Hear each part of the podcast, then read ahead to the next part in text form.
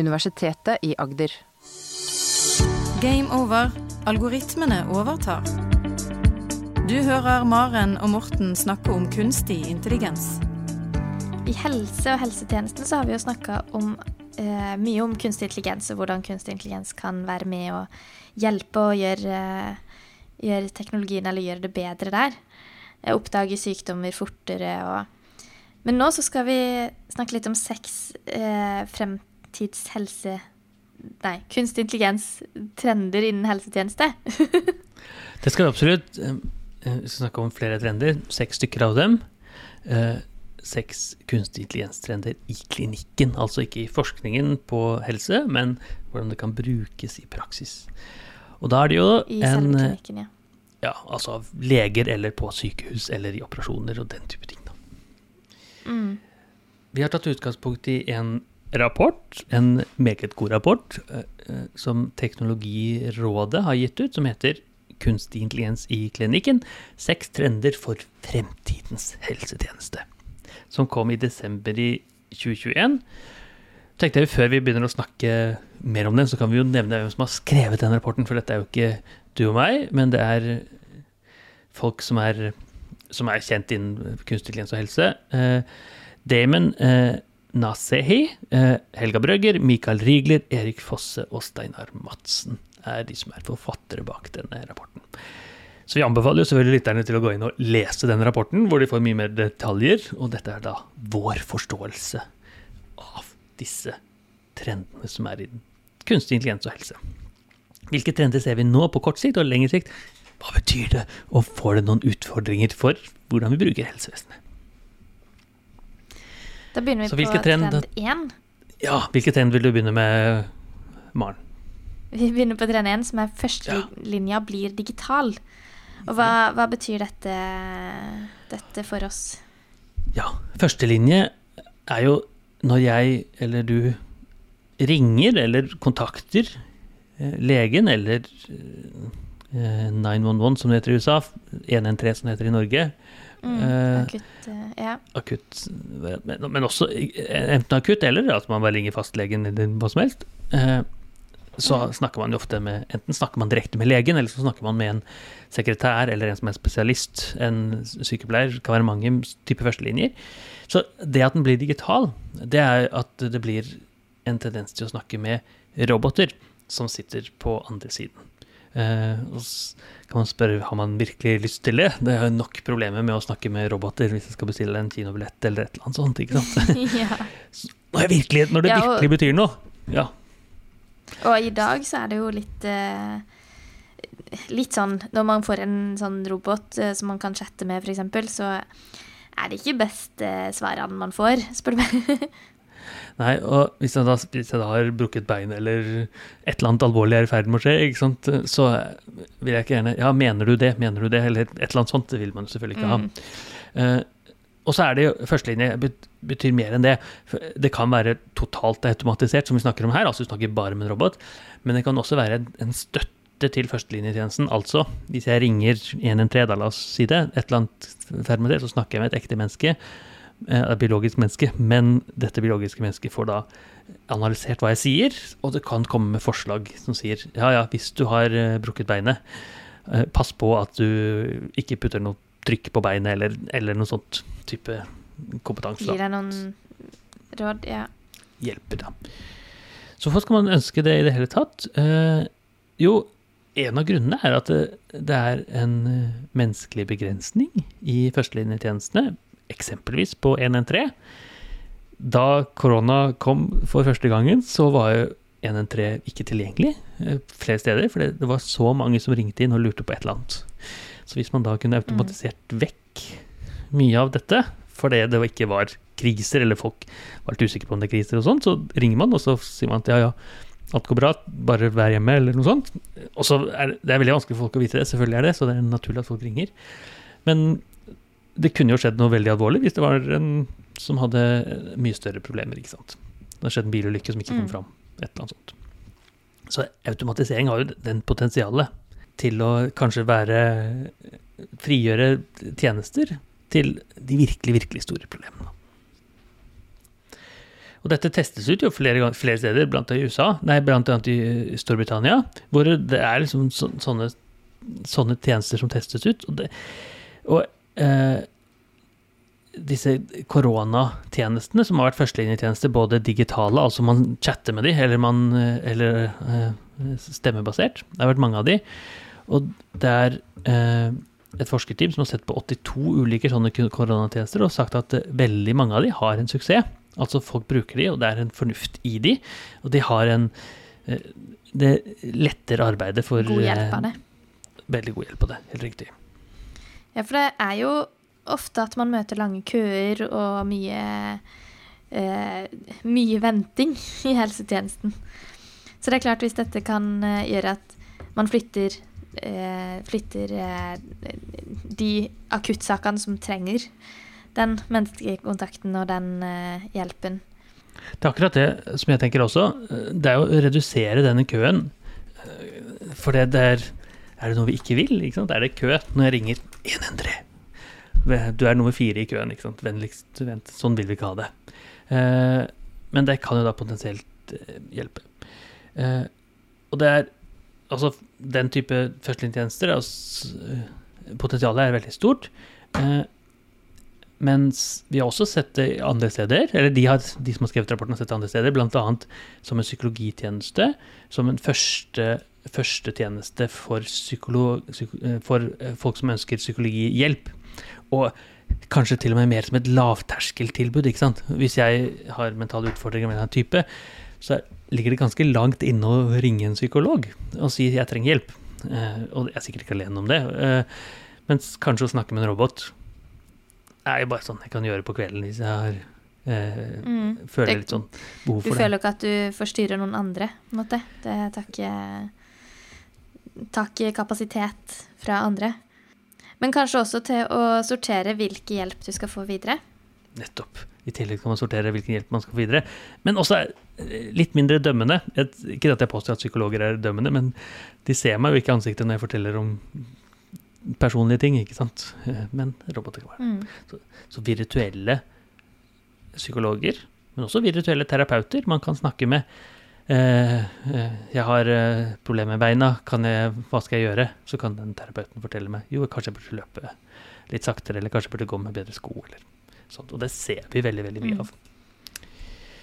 Så en av disse trendene er vi rett og får noe slett valg for, Ja, det er jo en av utfordringene. i om vi kan, kan velge å, å ha en digital eller en algoritme vi snakker med, eller en faktisk person. Ja, så det, det vil jo si er en av utfordringene. For det, eh, det betyr jo at eh, vi har eh, ofte et behov for å snakke med noen for det roboten ikke forstår. Det kan være hva som helst. De, fleste har sikkert opplevd hvis de bare prøver å bestille pizza, og så skal man ha et eller annet spesielt, så klarer man ikke å skrive det i, i, på nettsiden. Og her er det da enda viktigere. Eh, eh, så det burde i hvert fall være sånn at man har et valg. Altså, eh, for det er mange som ikke kan teknologi også, ikke sant? Som er, Mm. La oss si gamle mennesker som ikke er så flinke på eh, å skjønne at de snakker med en robot, og det er noe annet enn de andre, eh, enn en mennesker, eh, menneskesamtaler. Eh, Så det burde i hvert fall være et valg. I hvert fall i de viktigste tjenestene. Også i de litt mindre viktige. La oss si det sånn. Eh, Jeg vil gjerne vite svaret på covid-testen min. Der går det greit om jeg venter en halvtime. Egentlig. Ikke sant?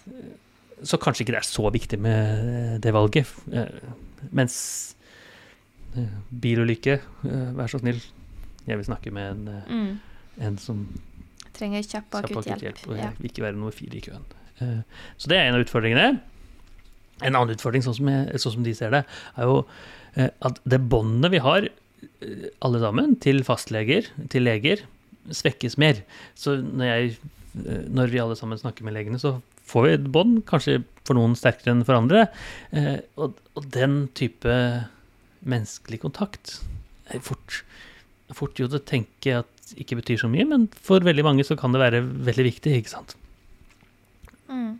Men tror du det blir et enten-eller? Tror du det forsvinner?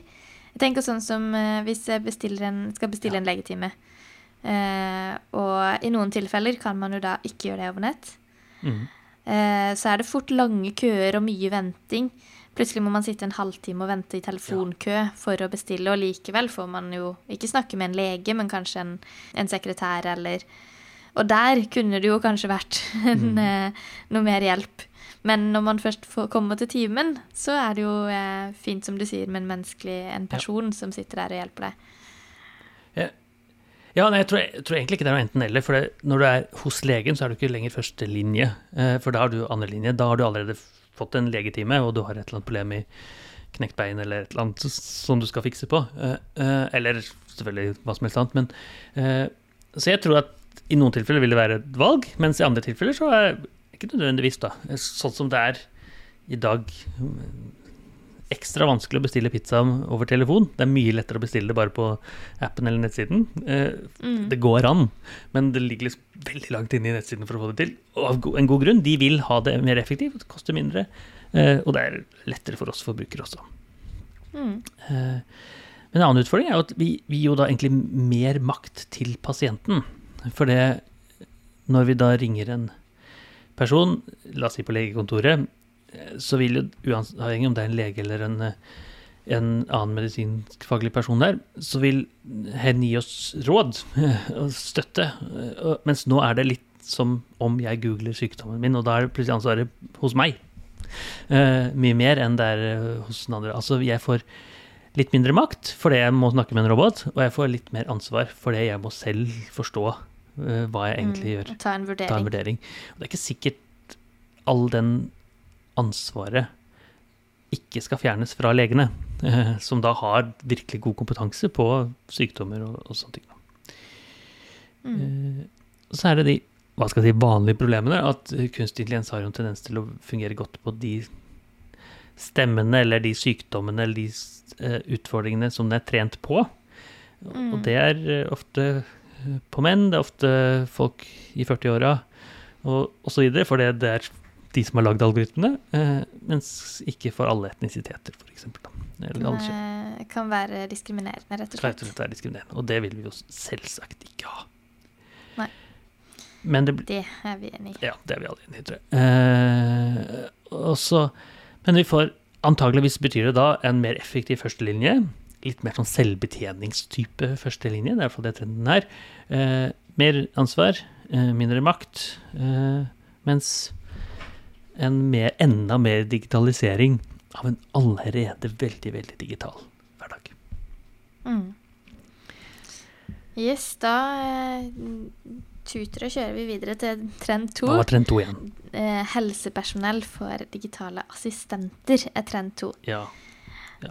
Så hva innebærer det? Ja, og da kan man tenke at assistenter, det betyr at man får en liten sånn robothjelper.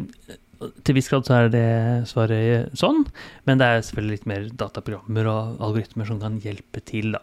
Eh, det betyr egentlig at man får eh, teknologi, kunstig intelligens i dette tilfellet, som kan være eh, en, en støtte, en assistent, en hjelper til leger.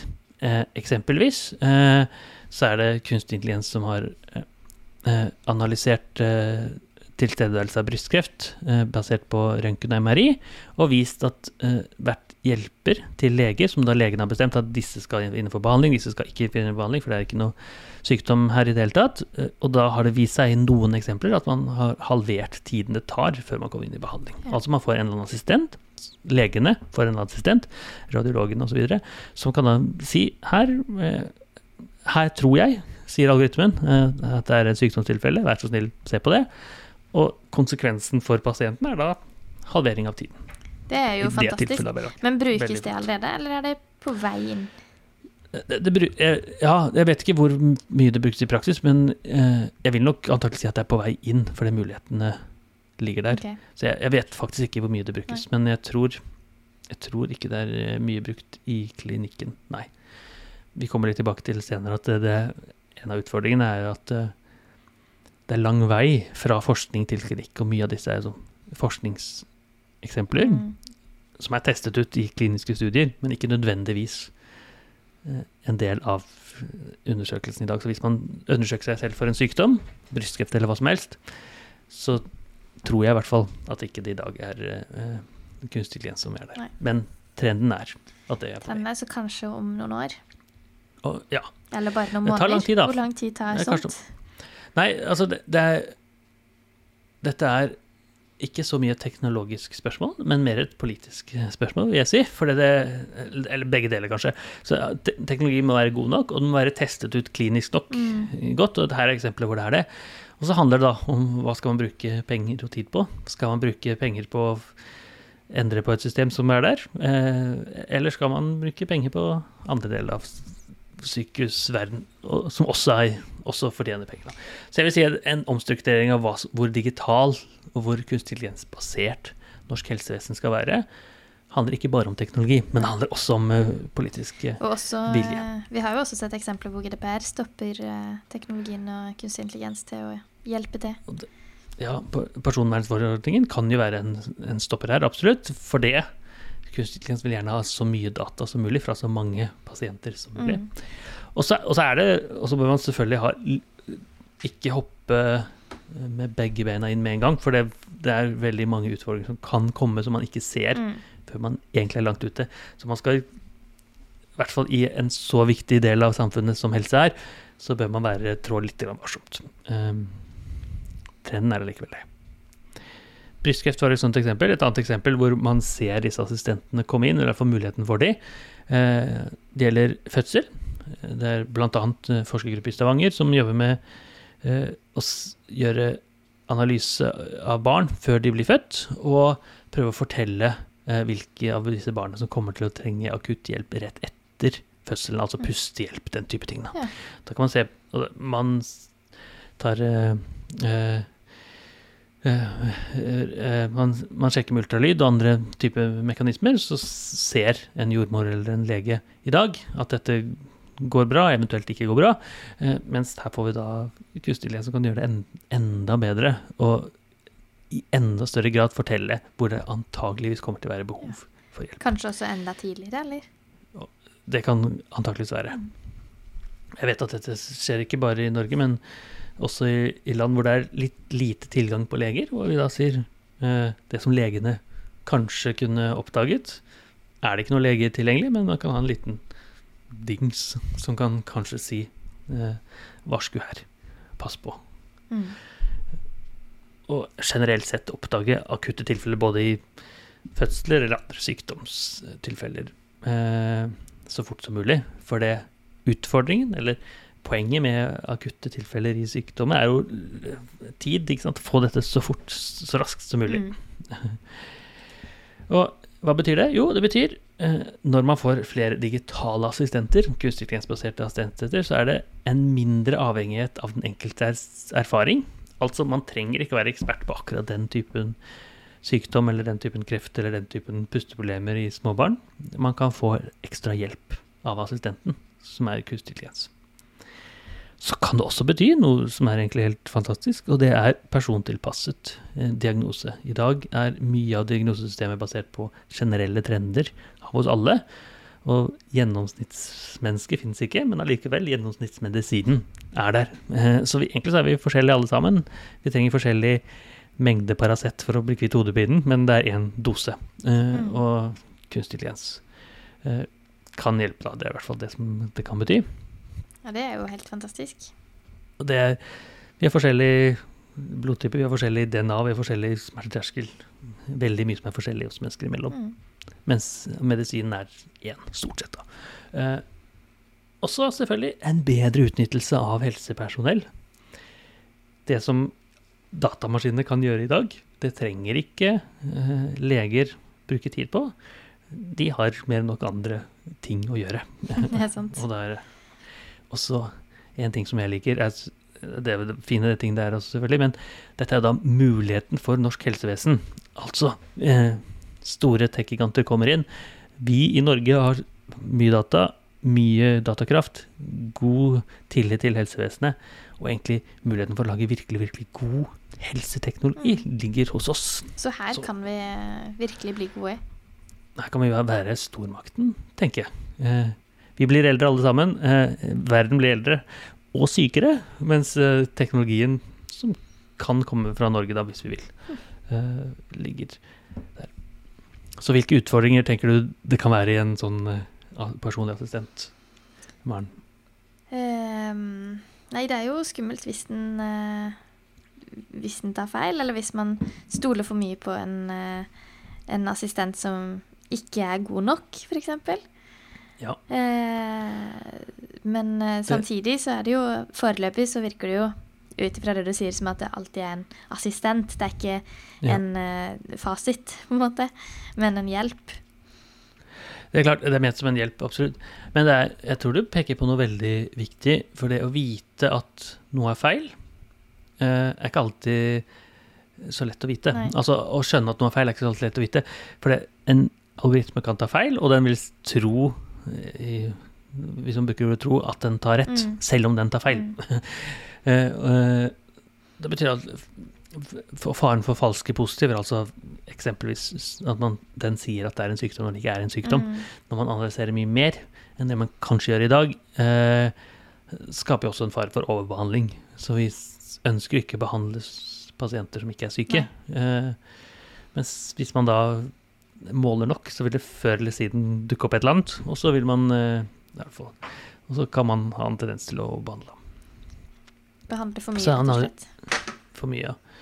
Personvernsofre er et sånt eksempel, som du har snakket om, men også eh, det å bruke noe bortenfor populasjonen. Hvis man tenker at eh, stort sett eh, folk i Norge ser sånn ut, har et sånn blodtype osv., så, videre, så kommer det inn en gruppe som med, Ikke- kommer fra et helt annen del av verden, har en annen genetikk, så plutselig ikke det fungere. Og sånn vil vi jo selvfølgelig ikke ha det hele systemet. Nei, at det blir for mange eksempler og ja. Ja, ja. Eller Egentlig, sånn, eh, egentlig diskriminerer det her og uten at eh, Ja. Ja, det kan du godt si. Mm. Ja, for den fungerer bedre på en populasjon enn andre. Og det gjør jo medisin i dag, da. har jeg forstått. Den fungerer jo bedre på ofte, Veldig mange av medisinene er testa på menn og ikke på kvinner. Eh, Ja. Så derfor fungerer den bedre på menn. Eh, og, så det er jo allerede i dag diskriminerende, men eh, utfordringen kan være at den kan bli enda mer. Mm. Eh, og vi vil helst gå Så vi er flinke til å dytte inn ulike data. Mm, ja, eh, men det er ikke alltid så lett, for det, jeg vet ikke når er det ulikt. Nei, ikke sant. Ja, og så er det jo dette med GDPR og personvern, at uh, hvilke data kan man dytte inn? Ja, eh, personvern er det, men der er det jo Helse er jo en litt annen uh, ballpark enn resten av verden, for det helse Man har jo pasientjournal i dag, og legene har lyst til, lov til å se på min journal, men det er, det er noen lovgivningsutfordringer der da, som jeg mener politikerne bør Se litt på. Ja. Hva er trend nummer tre? Trend nummer tre eh, diagnose og behandling smelter sammen. Ja.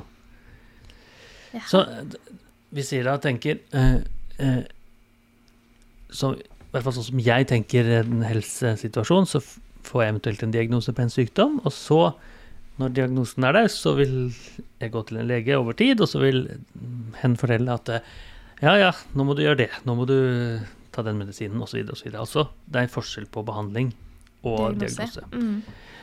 Så en av de trendene som disse Teknologirådet og de forfatterne peker på, det er jo at, at disse to separate delene ikke lenger trenger å være så separate. Altså man kan få kontinuerlig diagnostikk, og så behandles samtidig. Eh, og eh, også type at hvis jeg har en eh, eh, hjernesvulst, det er et sånt eksempel som er blitt brukt her, hvor man da kan analysere eh, ta en MRI fort og få en analyse om svulsten vokser eller synker lynraskt, Okay. og så styre behandlingen deretter, istedenfor at man trenger å vente to måneder eller et eller annet, kanskje kortere tid, men i hvert fall en god tid da, før man kommer inn i en MRI-maskin eller en Det betyr det at man kan forutse eh, om svulsten vokser eller ikke? for, Ja, mye raskere, og, og være en del av behandlingen. Og, eller i hvert fall så, så algoritmen i dag kan fortelle om en størrelsen på svulst, eh, kreftsvulst f.eks., og så kan den si at eh, jeg måler da med forrige uke, hvor den da var litt større, Mm. ergo den minsker. Og hvis vi da er avhengig av legene hele tiden til å gjøre det, så er det en, eh, en utfordring, og da må man si at det først tar du diagnosen, så gjør vi på med cellegift f.eks. over lang tid, og så kommer man tilbake og måler, og så håper man at alt er bra. Eh, Og så noen ganger, ofte er det det, men ikke alltid. Og så kan man her bare få denne behandlingen samtidig som diagnostikken. Hm. med en gang. Uh, tanken, da. Uh, og da er det uh, det er rett og slett Man, man trenger ikke å si Nå skal vi sjekke om du er syk. Men si her kommer inn behandling, eh, og så tar vi og sjekker litt og analyserer samtidig. Så sparetid i grunn. Raskere behandling.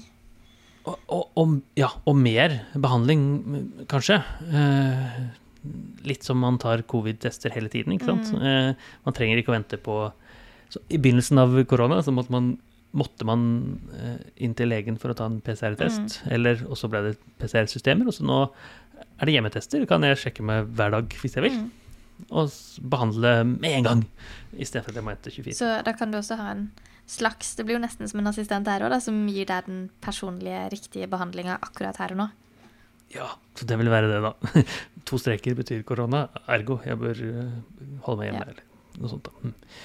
Så er det, her er de jo enda litt mer intelligente, men det viser, det viser, jo, det viser jo mulighetene, for da dytter vi da ut teknologien, riktignok enkel, eller relativt enkel teknologi som koronatester, ut til eh, folket, og så får de makt, eh, muligheter, men ikke nødvendigvis en lege å snakke med direkte. Mm. Eh, og eh, en mulighet med at diagnostikk og, uh, og behandling smelter sammen, er jo færre unødvendige eh, operasjoner. Eksempelvis så eh, kommer disse med tarmplopper, altså tarmsvulster, som opereres ofte. Noen ganger viser det seg at det er sykdom, andre ganger viser det seg at det var helt unødvendig å operere de bort.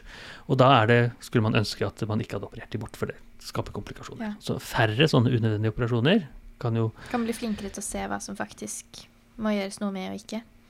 Ja, Eller man kan kanskje skjære bort én polypp, og så ser man jo dette var ikke noe sykdom. Antakeligvis er ikke de andre der. Man må jo selvfølgelig ha en legebehandling som bestemmer dette, men, men det er da muligheten, for man kan gjøre analysen med en gang. Mm. Eh, Eller i hvert fall relativt. nær. Et prosjekt som heter Dumor, eh, ganske kjent i forskningsmiljøet, har sett på tilbakefall for kreft, bl.a. livmorhalskreft, og funnet ut at kunstig intelligens kan eh, eh, øke treffsikkerheten med behandling, og finne ut hvem som er Når man er eventuelt eh, kommer tilbake til en sykdom, altså man er blitt frisk, og så viser det seg at eh, sykdommen kryper seg tilbake, Mm. Eh, og da får den da ut eh, I, i, i noen, et tilfelle så økte den treffsikkerheten med den type tilbakefall med 62 eh, som er voldsomt. Ja, det er Eh, jo altså veldig, man kan veldig bra. Få, mer innsikt, ikke sant, eh, enn eh, enn hvis man har gjør dette manuelt. Eh, altså, det er sånn I tiden etter man har, er ferdig med en behandling, så kan man diagnostisere seg selv, eller eh, sammen med en lege kanskje, raskt, og få en oversikt. Altså man får mer kompleks informasjon eh, fra pasienten, og tar bedre beslutninger, som er det beste for alle, ikke sant? Mhm. Men kommer man borti litt i de samme utfordringene som med selvkjørende biler, med at eh, hvem har ansvar hvis man krasjer? Hvem Ja, ja. har ansvar hvis noe går galt her? Mhm. det, det, har, det vil man si. Og hvis man kan ta koronaeksempelet som du så smart eh, dro fram. Hvem har ansvaret hvis den, det er én strek, og den sier ikke korona, men allikevel har jeg det? Eller motsatt. Eh, og det, det er ikke så godt å si. Hvem er det som har ansvaret hvis den sier at jeg er syk og ikke er det, eller ikke syk og er det? Eh, og, der har vi ikke noe godt svar enda. Eh, det er jo ikke legen, for legen er jo ikke med. Nei. Er det pasienten? Eh, kanskje er det, det er den som utvikler teknologien. Det er, vel, det veldig det kan sette en veldig stor begrensning på den som utvikler teknologien, hvis den gruppen plutselig skal ha ansvaret for alle eh, koronatester, eller alle kreftanalyser, eller alle, alle mulige feilkilder. I hvert fall som ikke er grove feilkilder, da. Eh, Ja, hvis det Eh, skjer en veldig grov feilvurdering En ting er jo en koronatest, det er på en måte ja, positiv eller negativ, og så kontakter du sykehus hvis du blir kjempesyk. Eh, Ja. Men her, hvis det er en, en polypp som du snakker om, da, som Mhm. er operert bort feil, så Ja. er jo det på en måte legens ansvar da, i dag. Eh, men hvis det er en Ja. kunstig algoritme som har sagt at her skal den bort, og så er det ikke riktig, Det er innsiktsfulle spørsmål, men det er litt og det er litt samme hva hvis røntgenapparatet ikke plukker opp Mm. svulsten. Hvem sin ansvar er det da? Er det da legen som ikke har brukt det riktig, eller er det utstyrsleverandøren? Og svaret er at uh, kunne, ønske vi, skulle ønske vi visste det. Ja. Eh, og, og, i den diskusjonen er jo da et viktig poeng som jeg pleier alltid peke fram. Eh, man må passe på at ikke den målestokken der blir den eneste målestokken. Mm. For det Man kan ikke slutte å bruke røntgenapparat fordi det kanskje kan være en feil. Helt riktig. Eh, og den muligheten ligger, er jo så mye større enn akkurat det, ikke sant? Mm. Men de kommer til å gjøre feil. Det kommer til å være oversettelse, det kommer til å være alvorlige tilfeller hvor den gjør feil. Helt sikkert. Mm. Man ønsker at det ikke skal være det, men det kommer til å være. Uh, og så må man da si, sånn som det var med selvkjørende biler som krasjet et par ganger med grufulle utfall, uh, så reduseres trafikkulykkene. Mm. Her er det dette blir bedre med flere overlevelser for pasienter. Raskere behandling, lavere risiko, bedre ressursbruk. Uh, færre unødvendige behandlinger og mindre inngripende undersøkelser, fordi du kan gjøre det hele tiden. Mm. Det er det som er styrken, ikke sant. Og kanskje det, betyr det også at den organisatoriske skillet er i ferd med å viskes ut. Altså forskjellen på eh, en lege som gjør en diagnose, og en som hjelper med behandlingen, sykepleiere underveis f.eks., som kan hjelpe til. Eh, at dette skillet som er veldig tydelig, som jeg har forstått det i dag, ikke er det. Mm. Ikke er det nødvendigvis fremover. Så da er vi halvveis. Eh, vi skal over på trend nummer fire. Eh, kan du minne meg på hva den trend er? Trend nummer fire er at alle kan overvåkne sin egen helse. Ja. Det minner jo litt om det vi har vært inne på med en personlig Hvis vi går inn på mer personlig assistent da, enn bare en assistent ja, ja. til legen. Så får vi, får vi, den assistenten hjem. Og det og det har vi jo litt allerede i dag med en Apple Watch eller en annen, uh, annen smartklokke som kan hjelpe en litt. Se på puls og den type ting.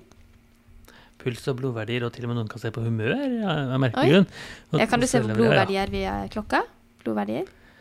Ja, i hvert fall ja, det vet jeg ikke. Du kan i hvert fall se på blodgjennomstrømning og den type ting. Jeg, tror, jeg er ikke sikker på om du kan det med Apple Watch, men, men sånne typer klokker kan du gjøre det. Klokker. Ja. Mm. ja. Se på om uh, som jeg, hvis jeg har forstått det rett, kan predikere Eller i hvert fall være med å fortelle om blodpropp og fortykninger og sånne type ting. Da. Uh, jeg tror ikke Apple Watch gjør dette, men ja. Uh, altså, jeg ser for meg at det er folk som er i risikogruppen, som kanskje har sånne, sånne teknologier. Kan, ja, det er vel kommet mye nytt på med diabetes og den type teknologier, hvor du hele tida kan få overvåkning via en app på mobilen, i stedet for at du må inn og ta prøver hele tida, da. Ja. Eh, og det var et godt eksempel, for det er jo eh, en, i hvert fall har vært da en manuell prosess. Tar en blodprøve, kjører en maskin, og så skal man eventuelt ta en insulinsprøyte eller noe sånt hvis, hvis, verdiene faller utenfor det det skal være. Eh, mens her kan jo da en kunstig intelligens styre dette helt autonomt. Mm. Styre det selv. Eh, sånn at du får tillegg, akkurat riktig dose? For akkurat riktig dose. Den kan lære seg hva som er riktig dose, ikke overdosere, og få det mye fortere. Men, og trenden her er jo da kanskje ikke den automatiserte biten, men at du får mer, mer innsikt. Da. Du kan overvåke din egen helse. Jeg trenger ikke å Hvis jeg skulle tatt en eh, hjertetest for to år siden, mm. så måtte jeg inn til legen. Nå kan jeg bare trykke på hjerteappen på Apple Watch. Og det er Igjen koronatesten, ikke sant. Jeg trenger ikke gå til legen, jeg kan bare stikke noe inn i nesa og munnen, og så får jeg beskjed. Mm. Og, så, og så er det eh, fortsatt ikke så bra og nøyaktig som hos legen, men vi kommer kanskje dit? Vi kommer dit, og så er det eh, Og noen ganger så er det eh, godt nok å få noe som fungerer relativt OK, mm. og fordi nytten er så mye større når man kan teste seg selv hver morgen før man går på jobb. Om man har korona, eller man har en mobil EKG som kan oppdage risiko eh, mye raskere enn at jeg forteller at nå har jeg stikkende smerter i armen, da, som er tegn på hjerteproblem f.eks. Så den type ting da, kan jo kanskje være veldig veldig nyttig for veldig mange, selv om det ikke er like godt som å gå til en trentlege. Ja, for av og til så vil det jo være tilfeller hvor den er falsk, eh, falsk negativ eller falsk positiv. Og da skjer det veldig fort at man får overbehandling. Eh, og det er jo en av de legene, eller en av de tingene som jeg hører fra leger ofte, at folk kommer inn og forteller Nå har klokka mi pipet tre ganger i natt. Ja. Eh, vær så snill, fiks hjertet mitt. Ja. Og så er det har, har man hatt mareritt eller noe Ja. sånt som gjør at klokka piper. Ikke sant? Som ikke nødvendigvis er det samme som sykdom. Men, men, men det, det de peker på, disse forfatterne fra Teknologirådet, er jo at dette kan hjelpe mange, men kanskje først og fremst et enklere liv for de som har kronik, kroniske sykdommer. Sykdommer de har levd med hele livet, hvor de hele tiden har vært avhengig og gått til legen ofte, kan få enda mer hjelp da, med smertelindring, eh, hjerteovervåkning og den type ting. da. Mm. Eh, så hvis det er noe som høres forferdelig ut, så er det jo en kronisk sykdom du lever med hele tiden. Teknologi kan hjelpe. Og, så har man da for mer, i hvert fall sånn som jeg er, jeg vil gjerne ha kontroll over min egen risiko, både sykdomsmessig og andre måter. Og her kan man få enda mer kontroll. Usikkerhet eh, stresser meg ut eh, for hva som helst, og jeg kanskje ikke er alene om det. Ja, kan vi også få, eh, få tidligere kontroll? Få liksom eh, Få noe eh, informasjon før man har gått så langt at man har blitt syk? Og eventuelt hva man kan gjøre det Ja. hvis det er mangelsykdommer, eller Så hadde det jo vært eh, supert å hatt en sånn derre Nei, nå må du spise litt eh, Må få i deg noe mer C-vitamin. Ja. Ja, ja, i hvert fall hvis man drar disse eh, drar strikken ekstra langt der, eller liksom drar C-trenden her, så er, er det jo absolutt det. For det eh, Nå skal jeg prøve å være forsiktig, ikke snakke for utenfor fagfelt, men man, symptomene kommer jo ofte litt sent, ikke sant? Eh, man har en eller annen utfordring, en eller annen, feberen er høy, eller noe sånt, eh, mens viruset har kommet mye før. Eller eh, problemene har vært mye tidligere. Da kan man se, da. Eh, nå er blodtrykket veldig høyt. Eh, tre dager på rad. Mm. Vær så snill, fiks det før, eh, før du svimer om. Eh, som kanskje kunne vært året etterpå, og da er det kanskje for seint å gjøre noe. Mm. Så jeg vil si ja. Det må jo være På sikt. mulig å få ting Ja. få tid. Ja, men allerede i dag, men også på sikt. Mm. Mye, mye mulig. Få, få informasjon tid, så tidlig som mulig, sånn at man kan få bedre oversikt. Men den andre siden av, av pendelen her er jo da overbehandling igjen, ikke sant? Mm. Man har Alle har Ikke alle problemer trengs behandling, men noen ganger eh, Ja, og kanskje Er overfokus på helse. At man eh, blir litt stressa og kavet og sliten av bare det å skulle ha så kontroll hele tida. Det er jo sunt Ja, å slippe litt kontroll innimellom. Ja, det kan du godt si. Uh, man trenger ikke å hele tiden bli påpekt. Pass på hjertet. Pass på Ja. hjertet. Et eller annet man skal slappe litt av. Eh, sånn, ja. også, ja, helt enig. Eh, eh, men altså, for 100 år siden så var et sår i foten ensbetydende med at nå forsvinner foten, og faren for å eh, forsvinne hele kroppen er der eh, følger med, ikke sant? Mens det er jo helt utenkelig sak i dag. Mm. Fordi vi har skjønt at eh, man kan behandle eh, sår tidlig med, med antibiotika, sånn at eh, bakteriene forsvinner. Og det er litt det samme her. ikke sant? Vi skjønner hva sykdommen gjør tidligere, eh, før det blir alvorlig, og da slipper man å få store konsekvenser hvis man behandler det tidlig. Men altså, man har en eh, Blir overvåket av en teknologi hele tiden som forteller at eh, Pass på, eh, du er syk. eh, det tror jeg Ikke er spis det, ikke gjør det. Gjør sånn. Altså, For mye ja, og for lite generelt, er det ikke sånn? noe sånt noe. Uh, uh, og da, også, altså det er jo teknologi som man må eventuelt stole på, da. Uh, blindt, kanskje. Eh, fungerer eller fungerer det ikke? Ikke helt sikker. Og så er det, det en annen utfordring er jo at de, de vinnende kommersielle aktørene eh, vinner.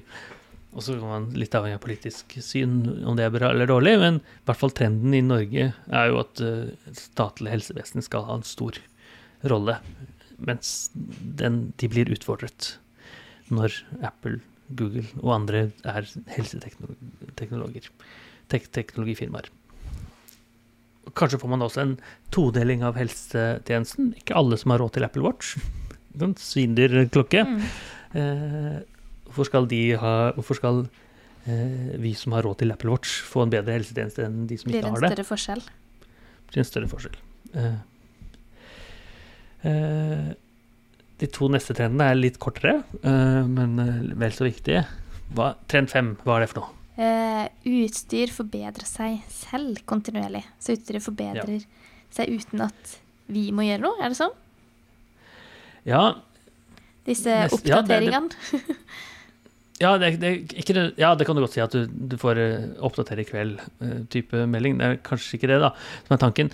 Men det er jo eh, litt mer det at eh, eh, pasienter som uh, har en sykdom som endrer seg over tid, kan jo teknologien følge etter.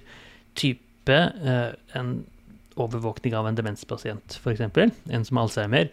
Hvor Alzheimer sykdommen går i trender. Noen ganger så er pasienten våken og i fulle fem, andre ganger så går hen ut uten sko midt på natta, eller eh, snakker mm, i gåter, Mm. eller er sint, eller ringer politiet fordi noen har stjålet nøklene hennes, eller sånn type ting. Eh, eh, hvor man da kan kunstig intelligens til å hele tiden passe på. Ja, nå er du det stadiet, nå er du det stadiet.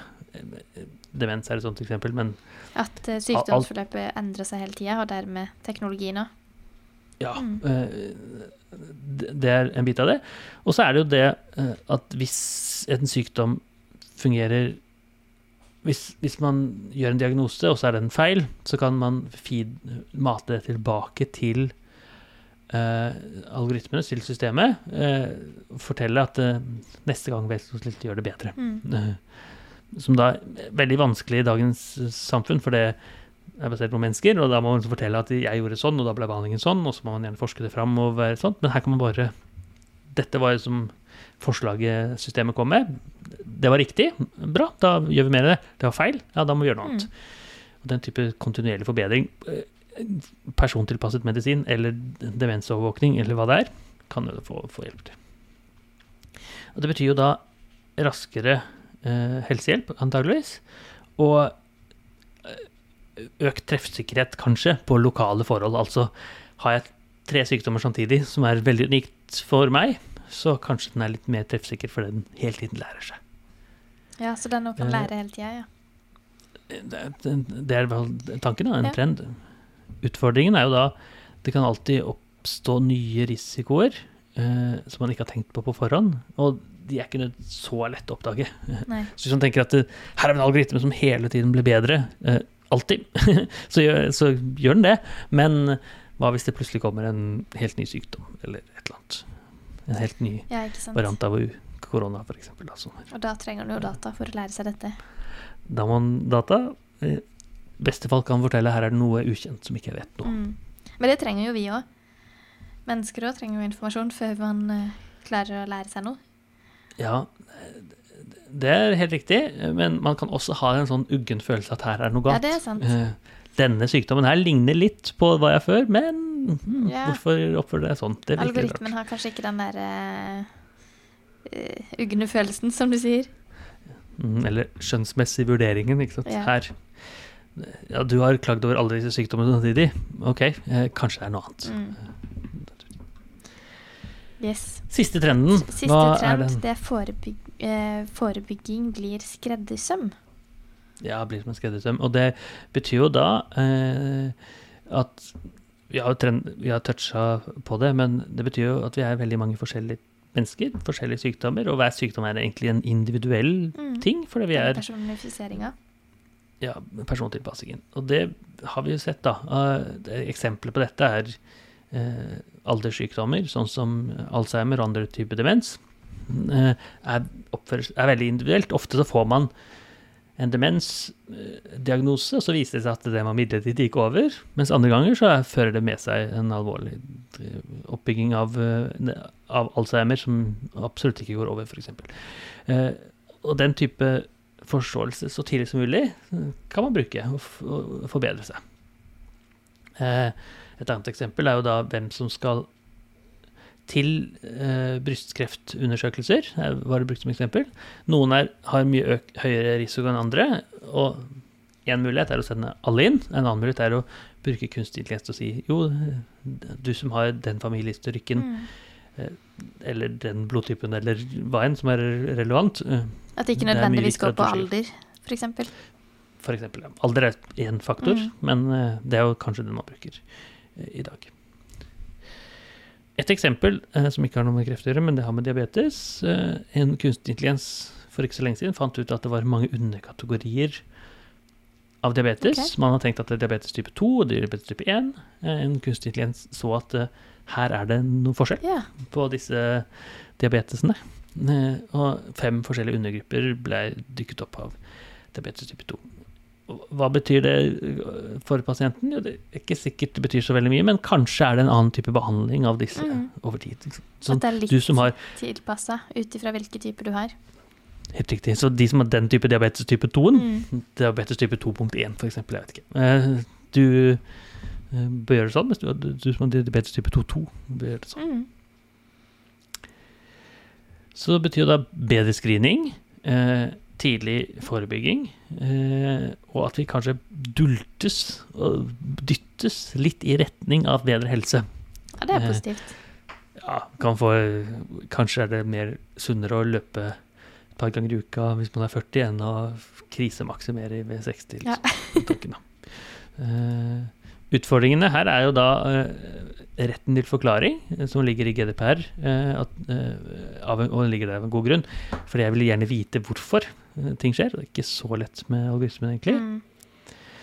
Og så er det hvem som skal vite av risiko. Vil du virkelig vite Ja. at uh, du kommer til å få Alzheimer om 20 år? Uh, da mister jeg kanskje 20 år av livet mitt ved å bekymre meg. Mm. Eh, versus bare få det pang i eh, Ja, så ødelegger du de 20 eller sånt. årene i tillegg. Eksempelvis. Så er det hva, hva trenger man? Uh, og hvem skal få vite det? Er det ok at legen vet det, f.eks., mens uh, hen ikke forteller deg? Og så er det jo ikke Eh. sikkert at det er riktig heller. Absolutt. Og, eh, Det er i hvert fall unødvendig. Bruke 20 år på bekymring, og så blir det ikke noe. Ja, ja, vi tok feil. Det er jo det beste, da, for så vidt, hvis det er feil, men uh, i den retninga der. Ja, det kan man Men godt ikke si. hvis man har brukt 20 år på bekymring. Da er det jo unødvendige 20 bekymringsår. Ja, det kan fort være. Uh, og så er det da, hvis man Skal det få noen konsekvenser, da? Hvis jeg får et råd eh, Så du bør spise annerledes, for du har diabetes type 2.4. Mhm. Eh, så sier jeg ja, ja. Jeg, jeg liker så godt ost og hamburger, så det skal jeg spise uansett, liksom. Mm. Eh, og er det Skal det bety noe for meg? Skal jeg ikke få så gode helsetjenester? Så i, I dagens samfunn så får man det allikevel, men allikevel. Det er jo muligheten for å ha det annerledes, da. Eller forsikringsselskapet kan tenke at ja, ja, følger du ikke rådene, så må du betale dyrere forsikring. Allah, Hvis du røyker, ikke sant. Mm.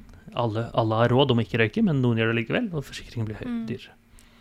Så er det tydeligvis OK når det gjelder sigarettrøyking, men kanskje andre typer råd eh, er det litt vanskelig. Så da blir det egentlig et litt uklart skille, da. Når er det helsehjelp, Mm. og når er det forsikring? Mm. Så det er både forsikring at man ikke skal røyke, men det er også forsikring at man også, Og helsehjelp at man ikke skal røyke. Mens man egentlig ønsker å skille forsikringsbransjen fra helsebransjen. Ja. Skal- Ja, og også i dette som du nevnte i stad, med, med hvem som sendes inn f.eks. til brystkreftundersøkelser, da, så var det eksempelet du ga, med Ja. mm, eh, hvilke familiehistorikk har man. Mm. Og, eh, og det er klart, der òg kan jo eh, helse... Altså forsikringsselskap og andre utnytte den informasjonen ganske grovt. Ja. Hvis det blir fritt frem å legge og ha oversikt over for alle. Mm. Ja, ja. Skal du få dyrere forsikring fordi det er mm, tidligere familiemedlemmer som har hatt sykdommer, f.eks.? Hvis lovgivningen ikke, ikke passer på, så kan jo, kan jo det absolutt være sånn for det forsikringsbransjen, som veldig mange av det, er en kommersiell bransje ikke sant, som skal tjene penger, og de ser risiko. Mm. eh, Og har jeg høy risiko, så må jeg betale høyere, høyere andel. Mm. Og noen ganger så er det greit, fordi jeg velger å eksempelvis røyke, eller velger å ikke røyke, mens andre ganger så er det absolutt ikke greit. Mm. ikke? For det min tippoldemor hadde en eller annen sykdom som jeg kanskje har. Mm. Så plutselig må jeg betale mye mer enn en annen. Enn andre. Så avslutningsvis så kan vi jo da eh, påpeke at eh, hvordan helsevesenet ser ut, og skal se ut, eh, ikke bare er et teknisk spørsmål, som vi har snakket mye om her, men eller noe som bare kan overlates til leger eller helsebyråkrater for å vurdere. Det er i aller høyeste grad et politisk spørsmål da, som Teknologirådet konkluderer med. Altså, poenget med denne rapporten til Teknologirådet eh, er å hjelpe til i en politisk debatt og si er dette virkelig eh, det er fremtidens helsevesen vi har lyst på, eller har vi egentlig lyst på et annet helsevesen? Mm. Eh, eh, og vi da ser på den teknologimulighetene som er her, eh, så kan vi da si jo, jo, dette vil vi ha, men vi vil kanskje være litt ekstra forsiktige med kommersielle aktører. Eller vi vil være ekstra forsiktige med forsikringen. Eller vi vil være ekstra forsiktige med å gi usikker diagnostikk. Mm. Sånn. Men det ser jo ut som vi går eh, veldig imot den personifiseringa i de fleste trendene. Heller liksom mm. mot at det blir mer eh, mot hver enkelt. Og det er jo akkurat der kunstig intelligens er veldig veldig god. Mm. ikke sant? Men se på uh, YouTube er persontilpassa, Facebook er persontilpassa. Medisin er det ikke. Nei, ikke sant. Der eh, har vi en vei å gå. Der har vi en vei å gå. Eh, og Teknologirådet har jo da meislet fram den veien. Og for lytterne som er interessert, så kan vi igjen minne på rapporten 'Kunstig intelligens i klinikken seks trender for fremtidens helsevesen' på Teknologirådets nettsider. Du hører Maren og Morten snakke om kunstig intelligens. Har du spørsmål til Maren og Morten, send en e-post til gameover.alfakrølluia.no. Universitetet i Agder.